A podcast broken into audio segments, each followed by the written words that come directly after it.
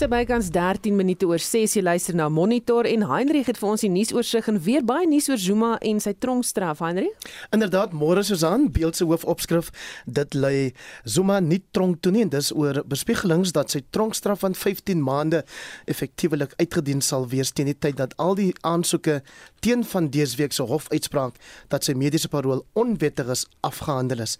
Daar's ook 'n foto van die gelofte dagviering wat gister op Versoeningsdag by die Voortrekker Monument is.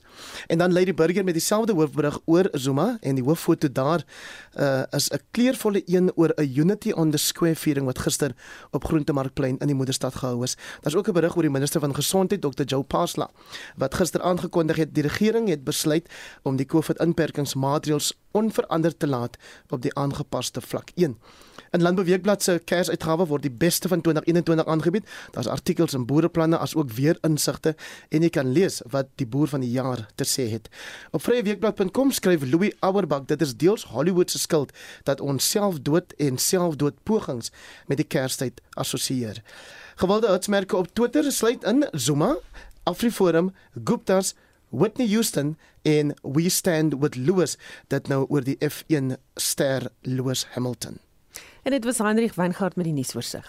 Nou waaroor praat ons vanoggend wel die nasionale korona uh, koronavirus bevaalsraad het besluit om die land vir nou soos Heinrich gesê het op die aangepaste vlak 1 van inperkingsregulasies te hou. Stem jy saam met die besluit of sou jy 'n strenger inperking wou sien? Laat weet ons deur 'n SMS te stuur na 45889 en dit gaan jou R1.50 per SMS kos of praat saam op Monitor en Spectrum se Facebookblad of WhatsApp vir ons 'n stemnota na 076 536 6961. Ek herhaal 076 536 6961. Maar ek seker daar's 'n klomp mense wat uh, baie bly is hieroor want hulle sou dalk hulle reisplanne moes verander as dit was soos verlede jaar toe niemand mag reis en of miskien strand toe gegaan het nie onthou jy dit? Dit dit maak eintlik vir my bitter min verskil omdat ek elke Desember elke Januarie Januarie tog deurwerk En as ek nou nie werk nie, gaan ek nêrens. Ek bly maar net weg van mense af. So dit maak nie vir my 'n verskil nie, maar ek is seker is baie mense wat gaan sê, "Dankie Vader, hy bly op vlak 1." Ek jammer, ek jammer jy gaan nie afwag nie. nou nou ernstige sake toe kwart oor 6 Westoepassers gaan die situasie op die paai fyn dophou te midde van verkeersvolumes wat reeds hoog is.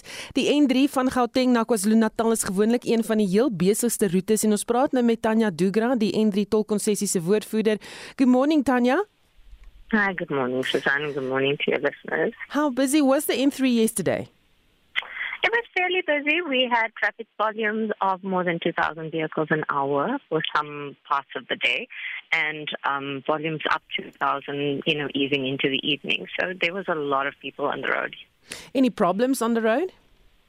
Fortunately, nothing significant. Uh, no disruptions to traffic that I'm aware of at this stage. Um, I mean, the only thing was wet weather and overcast conditions, which seem to be continuing today as well. So, just a reminder for everyone to please adjust their driving behavior and headlights on, slow down, increase following distances, you know, the usual. Hmm. How was driver behavior?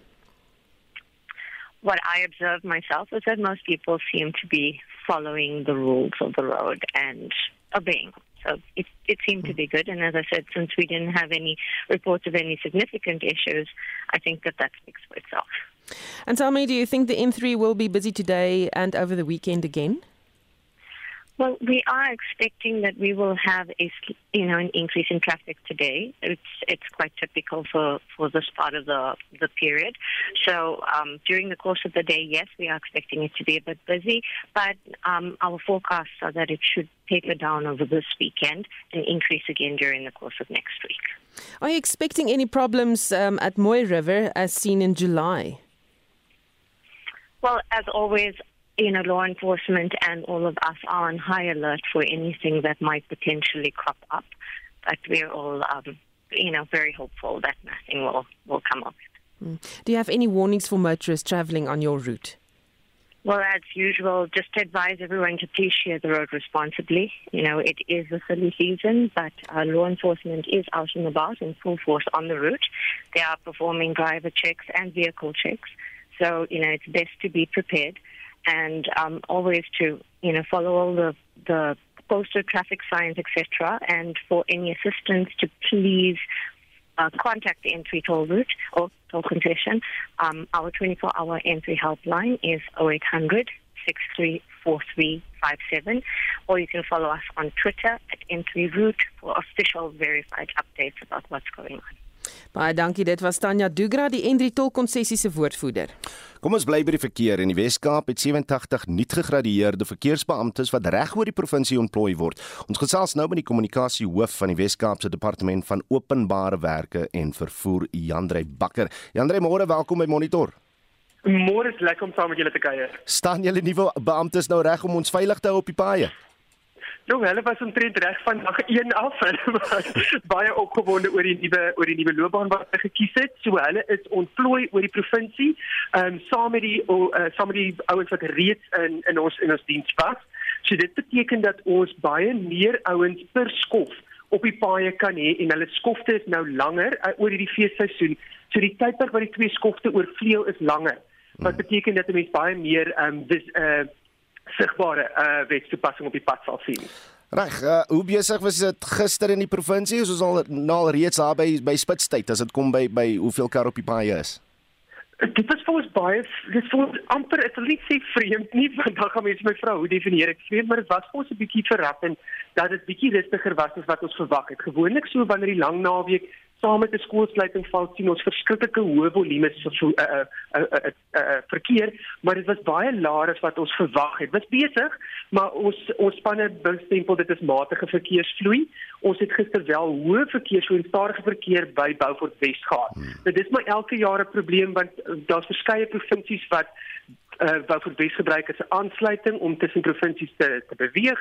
So ons het gister op een stadium met 20 km lange tou voertuie gehad het gewag het om deur die Wes te gaan.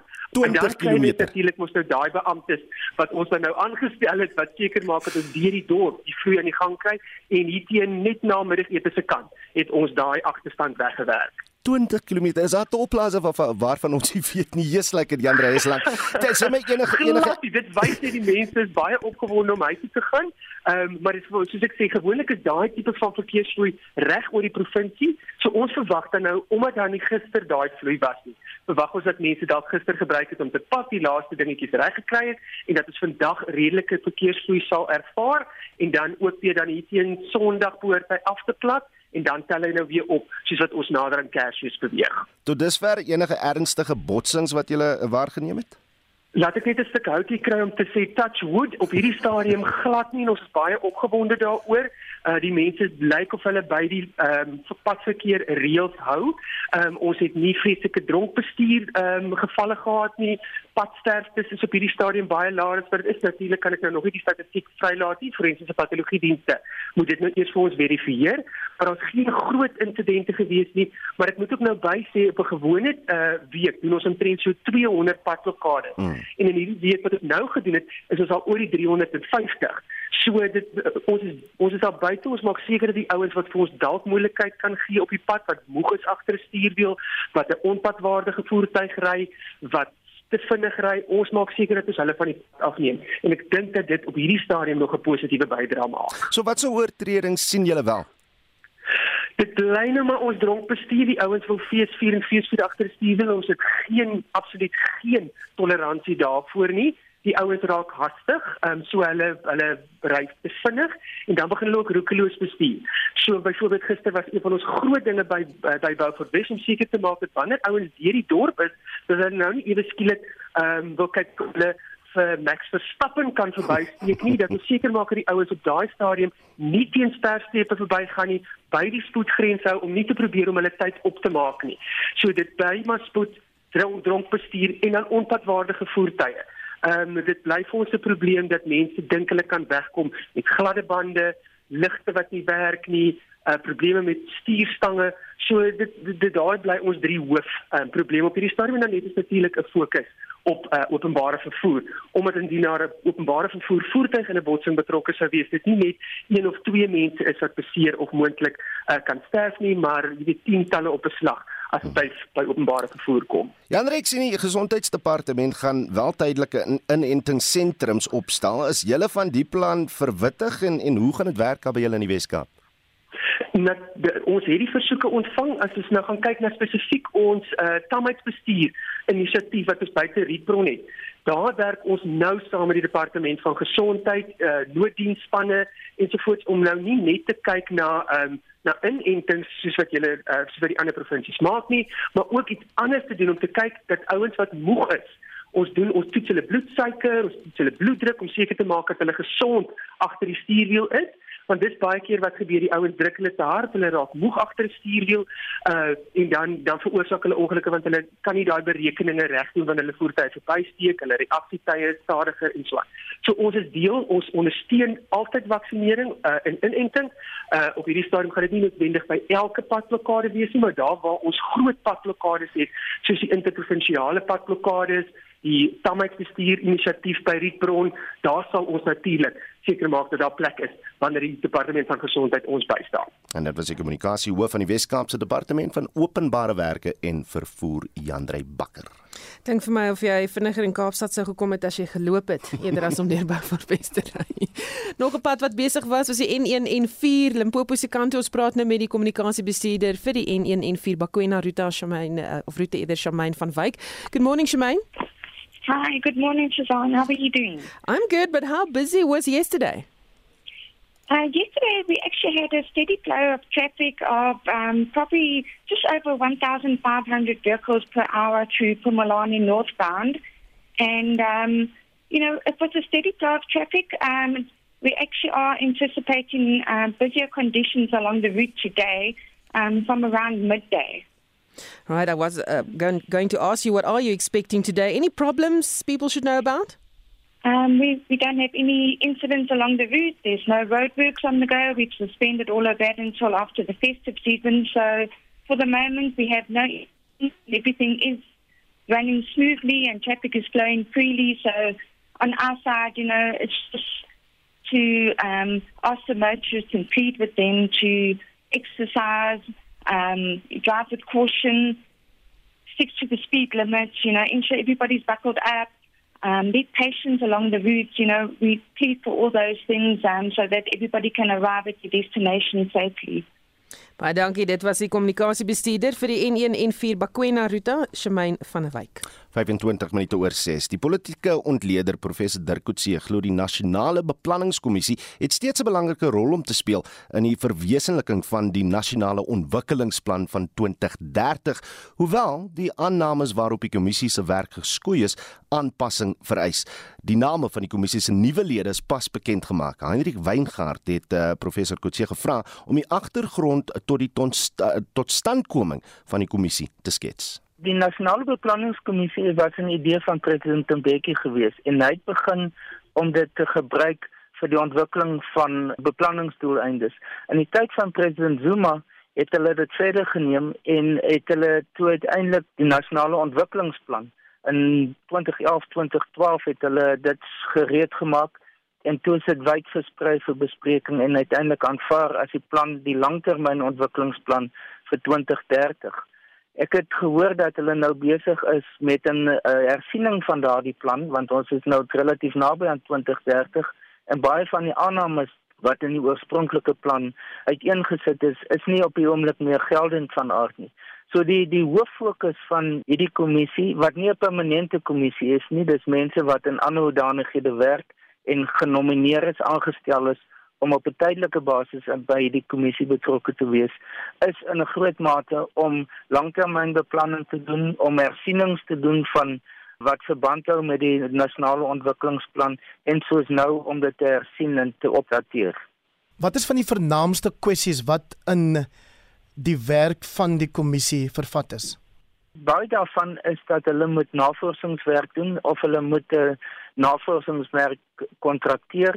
Baie van die redelike klomp van die nuwe lede is akademici self of is navorsers en hulle is dus in die omgewing waar navorsing gedoen word en hulle insluiting in die kommissie is in die eerste instansie as gevolg van daardie tipe werk wat hulle doen.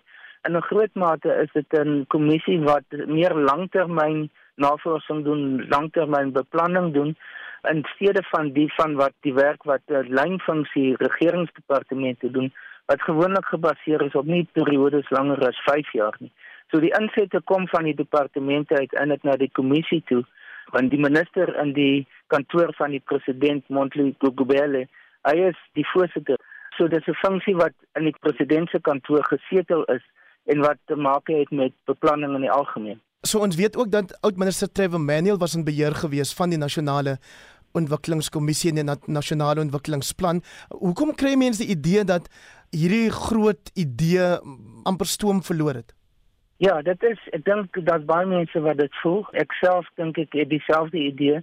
'n Groot deel daarvan is die feit dat die ontwikkelingsplan, die huidige een tot en met 2030, se aannames het nie meer geldend gewees. Byvoorbeeld dat daar 'n jaarlikse groeikoers van 5% moes wees. Al die resessies wat in die tussentyd plaasgevind het nou die pandemie het in 'n groot mate dit irrelevant gemaak.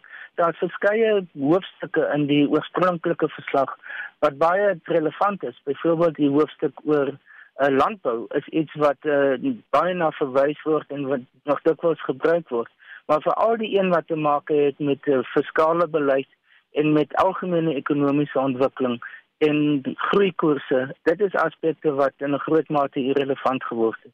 Dirk, jy het nou verwys na 'n verskillende groepering mense wat genooi word om op die kommissie te dien, behalwe nou akademici navorsers, waarna kyk ons nog gewoonlik? Maar daar in die verlede was daar prominente ekonome gewees, daar's persone wat betrokke is by verskillende vorms van beplanning, uh, byvoorbeeld uh, ruimtelike beplanning, ekonomiese beplanning. So daar's 'n groot fokus op die kundigheid rondom beplanning in die algemeen en persone wat kundigheid het ook in die konstruksiemaatskappye ensovoorts. So dit is 'n uh, dis nie persone wat polities aktief is nie. Daar's geen werklike bekende politikus wat op hierdie stadium wat nou in die jongste beplanningskommissie aangesluit is nie. So dit is 'n agtergrondkommissie wat in die agtergrond werk wat nie direk byvoorbeeld met die parlement te maak het nie. Hulle werk in hulle eie konteks, berei 'n verslag voor en dan lewer hulle dit aan die president se kantoor. En glo jy dat daar steeds 'n rol is vir so 'n kommissie? Dit is baie nodig dat daar 'n langer termyn perspektief moet wees en nie net op die medium termyn van 5 jaar wat ek dink in die verlede die geval was. Die groot voorwaarde is is dat hierdie langtermynplan steeds lewendig moet wees in die werk van departemente sodat dit hulle verwysingsraamwerk word. En ek dink dit was wat in 'n groot mate die laaste tyd afwesig was. En dit was professor Dirk Coetzee, 'n politieke ontleder aan Unisa in gesprek met Hendrik Weingart. Nou kom ons hoor wat ons uh, luisteraars te sê het oor die wat is dit? Nou praat ons vanoggend die inperkingsregulasies wat nou onveranderd bly vir die Kersgety. Jy kort daai vakansie reg is. Bitter graag asseblief. Môre is die Môre Oudo, ja, ons vra vir ons luisteraars hoe hulle daaroor voel dat die nasionale koronavirus bevelsraad besluit het om die land vir nou op die aangepaste vlak 1 inperkingsregulasies te hou en Elsa van Staden Joubert sê dis absoluut van fantasties. Alle inperkingsmaatreëls moet nou opgehef word sodat ons kan aangaan met ons lewens. En Letitia Swart vermaak laat weet dit is die regte besluit. Wette het nog nooit en sal nooit mense oortuig om dit na te kom nie. Elke persoon moet vir hom of haar self verantwoordelikheid neem. Maar Frida Raper sê sy sou graag strenger maatreëls wou sien. Solita Buys skryf dit maak nie saak vir my nie. Ek het by die dood omgedraai en moes weer leer loop. Ek gaan glad nie uit my huis uit nie. Pieter Engelbrecht wil weet gegee die verkeer, verkeersvolumes op die paaie, waarom is die huidige aanklokreël nie opgehef sodat motoriste vroeër kan ry en verkeer versprei kan word oor die paaie nie. En Hanelie Reinhardt sê vat alle maatreëls weg. Die wat na hulle self wil kyk, gaan dit in elk geval doen.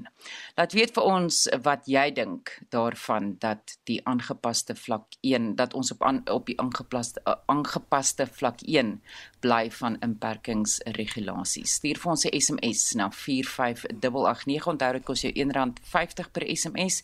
Gesels saam op ons Monitor en Spectrum Facebookblad of WhatsApp vir ons stemnota na 0765366961. Estie met die SMS terugvoer. Omgewingsnuus: Private renoster-eienaars is steeds woedend oor 'n voorstel dat renosters nie deur privaat eienaars besit mag word nie en dat die praktyk stelselmatig uitgefaseer gaan word. Die aanbeveling is reeds deur 'n regeringspaneel gemaak in 2020 as deel van 'n breër stel bewaringspraktyke regulasies. Die kabinet het die aanbevelings aanvaar en tans kan die publiek kommentaar lewer daarop. Ons praat met Pelham Jones van die Private Rhino Owners Association Pro hieroor. Goeiemôre Pelham. Môre Susan, môre luisteraars. Wat is die reaksie van private renoster eienaars oor die kwessie sover? Man, ons is ontsettend uh uh ongelukkig um hier omtrent en ons kyk na al ons verskillende opsies want basies wat daai aanbevelings is is belaglik. Um eerstens nie enkele lid van daai sogenaamde high high level panel um het op enige een van die private reservate kon selfinspeksies hou. Um tweedens ons die private rider owners was totaal uit die proses uitgesluit. Um ons het 'n geleentheid gehad vir 'n 15 mi minuut uh, PowerPoint presentation en daarna 'n uh, uh, 10 minuut Q&A. So met ander woorde hierdie uh, groep mense het aanbevelings gemaak um, in 'n omgewing waar hulle geen uh, uh, oor die regte diepte kennis het net nie die wilsbedryf maar ook credible organisasies soos die IUC en Africa Rider Specialist Group het ook kommentaar gelewer en en hulle bekommernis uitgespreek oor hierdie idiotiese uh, optrede. Ja. En dan, I mean, ook, ook onthou, ons besit nou oor 60% van die land se renosse bevolking.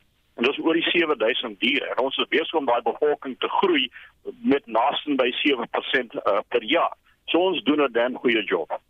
Wat is julle gevoel oor renosters in privaat besit? Dra dit by tot bewaring?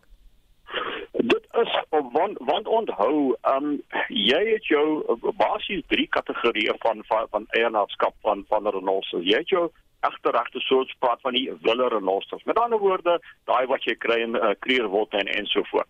Dan kry jy op 'n kleiner uh, uh, vlak jou sogenaamde ranch animals. Maar onthou net, daai uh, diere socialize, steel, slaap, beklei met week al soos hulle wil, presies dieselfde soos jou wille uh, renosters en kreer kreer wildtuin.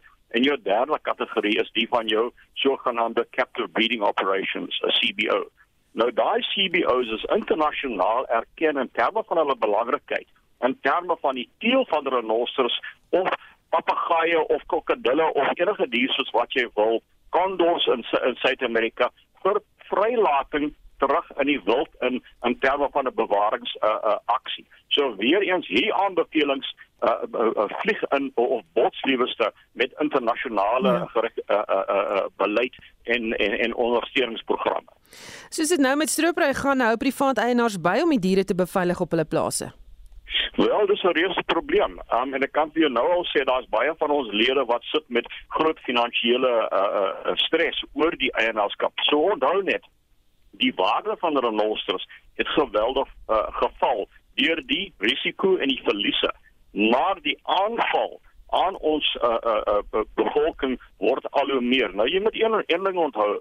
In einde 2020 met ander woorde presies 'n jaar terug van die net onder 400 uh, renosters wat gestroop was in die hele land net 10% actually 37 animals het geval op privaat um, eiendomme. So met ander woorde, dit wys uh, die privaat sektor doen 'n ontsettende goeie job net nie te, net nie in terme van biological management, maar ook in terme van sekuriteit. Maar nou het ons gesien die laaste uh, uh, 6 tot 9 maande is daar groot stygings in uh, uh, insidente waar al hoe meer uh, stropery begin gebeur op privaat uh, reservate vir rede die bevolking in jou provinsiale en jou nasionale uh, uh, parke het nou begin daal. So ons uh, word beskou nou as die soft target en ons moet nou heelwat meer sekuriteit en en uh, uh, uh, optredes doen om hierdie renosters te bewaar. So hulle is nou 'n liability. Baie dankie, dit was Pelham Jones van die Private Rhino Owners Association Proa. 20 minute voor 7. Die Kuiberg Alert Alliance en die Southern African Faith Communities Environment Institute het gister betoog in Bloubergstrand teen die voortbestaan van die Kuiberg kragstasie. Die groepe voel dat of eh, dat die kragstasie baie oud is en dat dit nie meer veilig is om die kragstasie te hê nie. Ons praat nou met Lydia Petersen van die Kuiberg Alert Alliance. Lydia, môre welkom by eh, Monitor.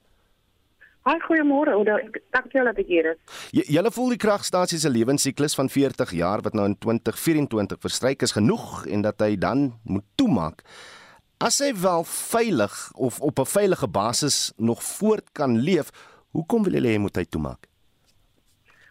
Um dit is kommerwekkend vir ons en uh um dat daar groot planne ge gemaak word om die Koberg werk in werking te hou na die sterkheid van 2024. Um dit is wat ek sê 'n stasie van oor die 40 jaar wat tekens wys van roes en ander klimaatverwante gebeure. Maar met die twee aardbewings wat ons al reeds gehad het, is dit nodig vir die publiek om kapsie te maak teen die verlenging. Omdat ons kan sien aan nog 'n Chernobyl of 'n Fukushima op ons op ons deurdrempel. En ons kan dit nie bekostig nie die gemeenskap kan nog nooit verplaas word om nooit weer terug te kom na um, hulle um, huis wo en hulle huis nie. Dit sal natuurlik 'n ramp wees vir hulle. Ja, jy het seker al gesprekke gehad met die bestuur daar by Kuiberg. Wat sê hulle is die plan na 2024 met Kuiberg? Um die gesprekke wat um, ons gehad het um, met Sessie is as um ook is dat hulle gee voor dat die um verlengingsproses um dit dit was gedoen en maar ons sê dat dit kan nie gedoen wees die verlenging kan nie gegee word voordat um daar publieke um participation moet wees nie. Maar op die oomblik sê Eskom dat die um kragstasie veilig is. Daar was um um um a contamination ek sê jammer vir die Engels ook hier in um daar was 'n contamination um 'n leak so 'n paar weke gelede so 'n maand terug En die publiek is nie bewus van die dinge wat by um, Koberg aangaan nie en wat hoekom ons geprotesteer het gister wat om die mense te bewus te maak dat Koberg 'n bietjie on nie 'n bietjie nie maar sommer onveilig is en dat die kernkragstasie se lewensduur nie met nog um, 20 jaar kan verleng word nie. Behoort julle plan dan nie te wees om by die nasionale departement uh, gaan aanklop vir ondersteuning vir dit wat julle wil wil doen nie? Die ehm um, Eskom moet eintlik die ehm um, die die die antwoord kry van die die die nasionale ehm um, die die kernkrag ehm um, die nasionale kernkrag ehm um, vereniging. Hmm. Maar op die oomblik het ons nog niks van hulle nie. Ons het al gaan ehm um, um, briewe uitgestuur om te sê dat ons is nie uh, um, gelukkig omtrent die hele storie nie, maar dit val net op dowe ore en ons kry net niks gedoen nie. So dit is nou manier hoe ons moet dit gaan gaan gaan probeer regmaak. Ons gaan proteseer sodat daar um notice gevat word van ons because ons kan mos dit mos nog nie toelaat nie. Leidens julle ondersoeke sal ons genoeg krag kan opwek in die res van die land sonder die toevoer wat van Kuiberg afkom want uh, ek dink nou net terug op elke slag waar Kuiberg aflyn gegaan het het ons in die res van die land ook beerdkrag ervaar Ja, ons weet, maar um, Kuberse nasionale nominale kapasiteit dra net 3 tot 3.5% tot die nasionale elektrisiteitsnetwerk toe. Die stasie is tog gedurig geplan met operasionele um, probleme en is talle kere buite werking. Nou die presentasie glo ons sal nog meer verminder word sou daar hernubare krag aanlyn kom. En dit sal sodoende verhoed dat die land energie ermoede ervaar. En sover um daar is COVID is meer offline dan hmm. online. En ons het dit al soveel keer ge ge-experience al dat dit dit is mos nog nie 'n kragstasie moet moet deel dra tot die tot die netwerk nie. Alraai, julle het nou gister betoging gehou. Wat doen julle nou vorentoe? Vorentoe gaan ons net voorthou met die betogings en ons gaan net nog meer druk plaas op die op die regering sodat hulle hulle standpunt moet verander. Ons kan nie toelaat dat Kuba nog 20 jaar in werking sal bly nie wanneer daar ander um opsies is krag soos as ons wind en en en en dit dit is onaanvaarbaar dat dat die regering ons nie um of of of die die die IPPs wil kan gee om aanlyn te kom sodat ons kan dan sien hoe ons kan uh, om te werk kan gaan met met met um, kapasiteit van van hernubare krag. En dit was Larry Peterson van die Kuiberg Alert Alliance.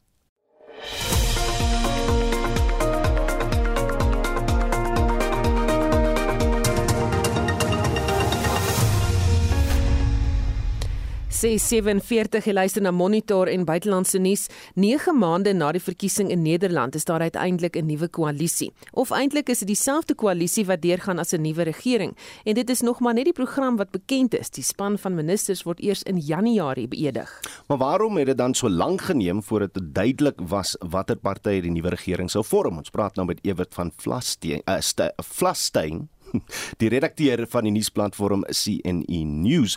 Ewert, môre welkom by Monitor. Hoekom het dit so lank gevat?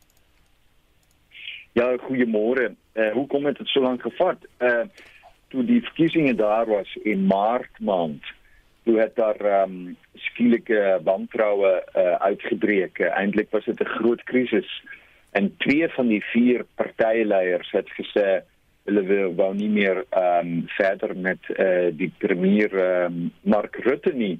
Ehm um, Mark Rutte is baie bekwame, baie goeie politikus, maar na 10 jaar aan die leierskap het die ander partye die gevoel gekry hy is 'n bietjie te glad en daar is niks wat hy kan maak uh, wat hom reg raak nie. Hy is baie glad en ehm um, hulle het gewoon skielik die vertroue in hom verloor. Maar op jouw einde, het het, uh, voor zes maanden het die uh, vorming van een nieuwe regering stilgeleerd. Zes maanden, dat is een halve jaar. En toen had ik beseft, wel, als ons niks doen, nie, dan gaat er niks gebeuren. Nie. Zo ons zal moeten toegeven. En op jouw einde is het zo dat Mark Rutte waarschijnlijk toch weer de nieuwe premier van een nieuwe regering gaan worden. Evert, was dit met die verkiesingen maart nie vanselfsprekend dat die partye sou aangaan nie? O nee, glad nie. Nee, nee. Ek dink uh, ons moet sê hulle fed up met mekaar. Hulle was eintlik baie klaar met mekaar gewees.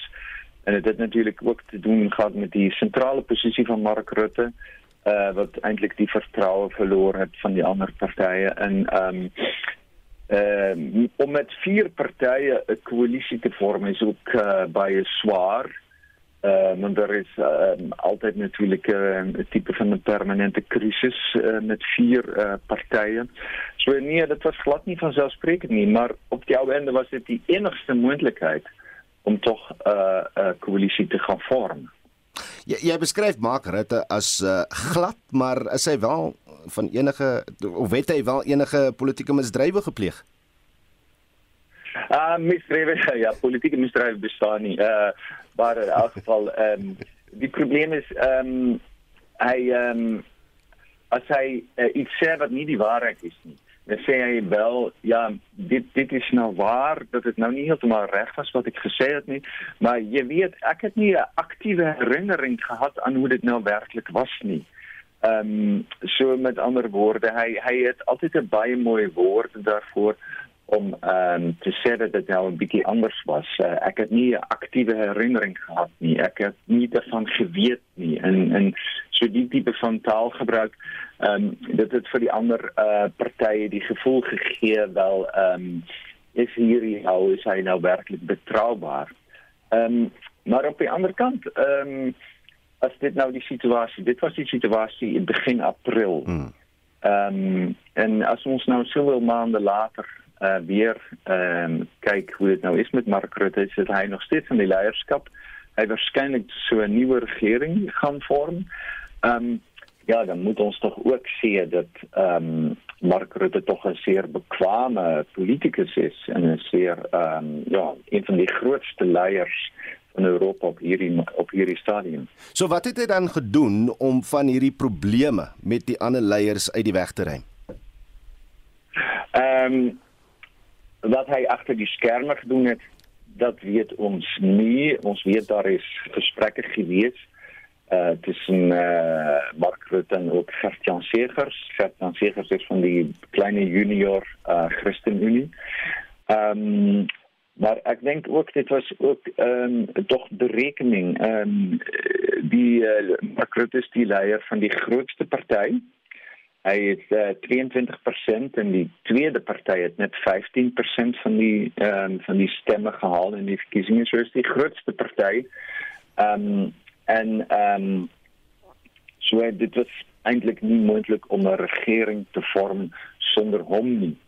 Ehm um, so ek dink hy was baie berekenend geweest en hy het gedink wel ehm um, ek is beskikbaar vir koalisie en almal wat wil aansluit kan aansluit maar hy het gesien hy het bereken daar is eintlik nie ander moontlikhede nie as net met hom nie. Jy skryf in 'n artikel dat die nuwe koalisie die heet aardappel verskuif na die parlement. Wat 'n warm patat is daar nou? Uh daar is verskeie warmtepatte. Uh hierdie koalisie is 'n koalisie van twee liberale partye. Dit is sekuliere partye, sekulêre, sê mense in Afrikaans groot. Ehm um, en uh twee Christelike partye. So en besonders by die uh by die klein Christelike party, dis die ChristenUnie van Gert-Jan Segers. Uh dit is 'n pro-lewe party. Hulle is uh teen abortus, um, teen uh, die genade dood en die uh death on demand. En um, die ander liberale party is baie meer liberaal in hierdie opsig, besonder die D66 van ehm um, Sigrid Kaag. Ehm um, Sigrid Kaag in in haar party ehm um, hulle het self 'n voorstel in die parlement op hierdie stadium ehm um, om uh, die dood beskikbaar te maak as jy dit wil, so death on demand. Ehm um, so die die gedagtes is baie teengesteld.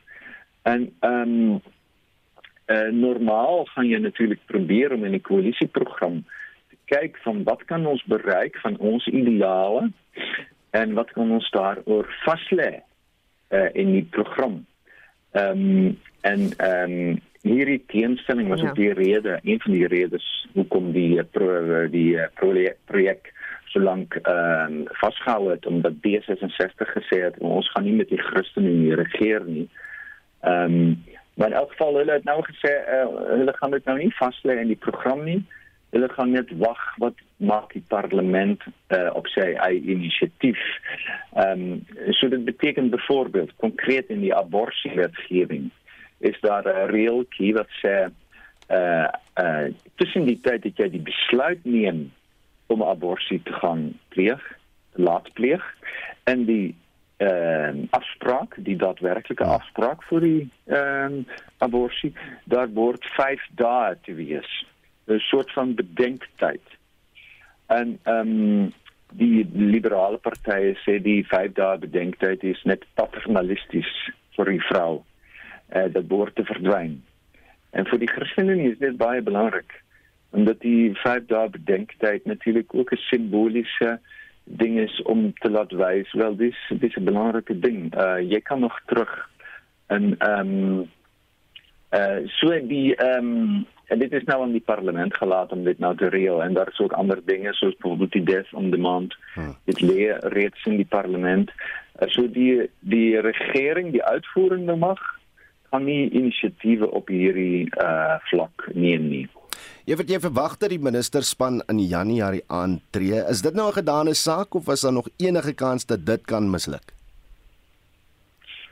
Ehm um, daar is nog kanse dat dit gaan misluk. Dit is ehm um, ek weet nie ehm um, dit is nie bekend gemaak wat nou die verdeling van die ministersposte gaan wees nie. So hoeveel ministers kry die verskeie partye? Uh, dit weet ons nog nie.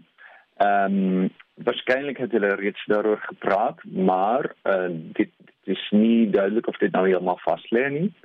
Ehm um, en ook nie wat se partye welke ministeries gaan kry nie. So wat se party kry nou die buitelandse sake en wat se party kry nou die gesondheid. Ehm um, en dit is natuurlik ook tipiese dinge waaroor nog ehm um, ja, krisis kan uitbreek, maar ek sien 95% ehm um, gaan Mark Rutte sy vierde regeringsspan reg kry. Ja, 95%. Evert van Vlasten, ek sê vir jou baie dankie. Hy is die direkteur van die nuusplatform CNE.news. Nou kom ek kry so 'n bietjie terugvoer van julle en julle boodskappe oor uh, die inperkingsvlakke, is dit? Wat sê julle? Oudo, ons vra vandag vir ons luisteraars wat hulle daarvan dink dat die nasionale koronavirus bevelraad die ehm um, ons op 'n aange, aangepaste vlak 1 gehou het. En Louis Wessel skryf ek stem 100% saam toerisme en die ekonomie moet loop en Andrei Skol sê hef alle beperkings op. Baie mense wil nog steeds nie aanvaar dat die virus 'n werklikheid is nie. So laat die virus sy gang gaan. Elkeen van ons moet verantwoordelikheid vir sy of haar lewe aanvaar. Isaac Daniels laat weet dit is baie goed vir die land en die ekonomie dat daar op vlak 1 gebly word. Die wetstoepassers moet net strenger wees om toe te sien dat die COVID-19 protokol wel toegepas word. En Benita Badenhorst laat weet, as ek in my buurt kyk, lyk dit nie of daar enige inperking is nie. Mense hou lekker partytjie en gaan lank na middernag aan met 'n groot geraas. Laat weet vir ons wat jy dink daarvan dat die bevelsraad gesê het ons bly op die aangepaste vlak 1 uh maatreëls. Sê vir jou baie dankie Estie reg uh, nog baie om te kom na 7 nou eers die jongste nuus.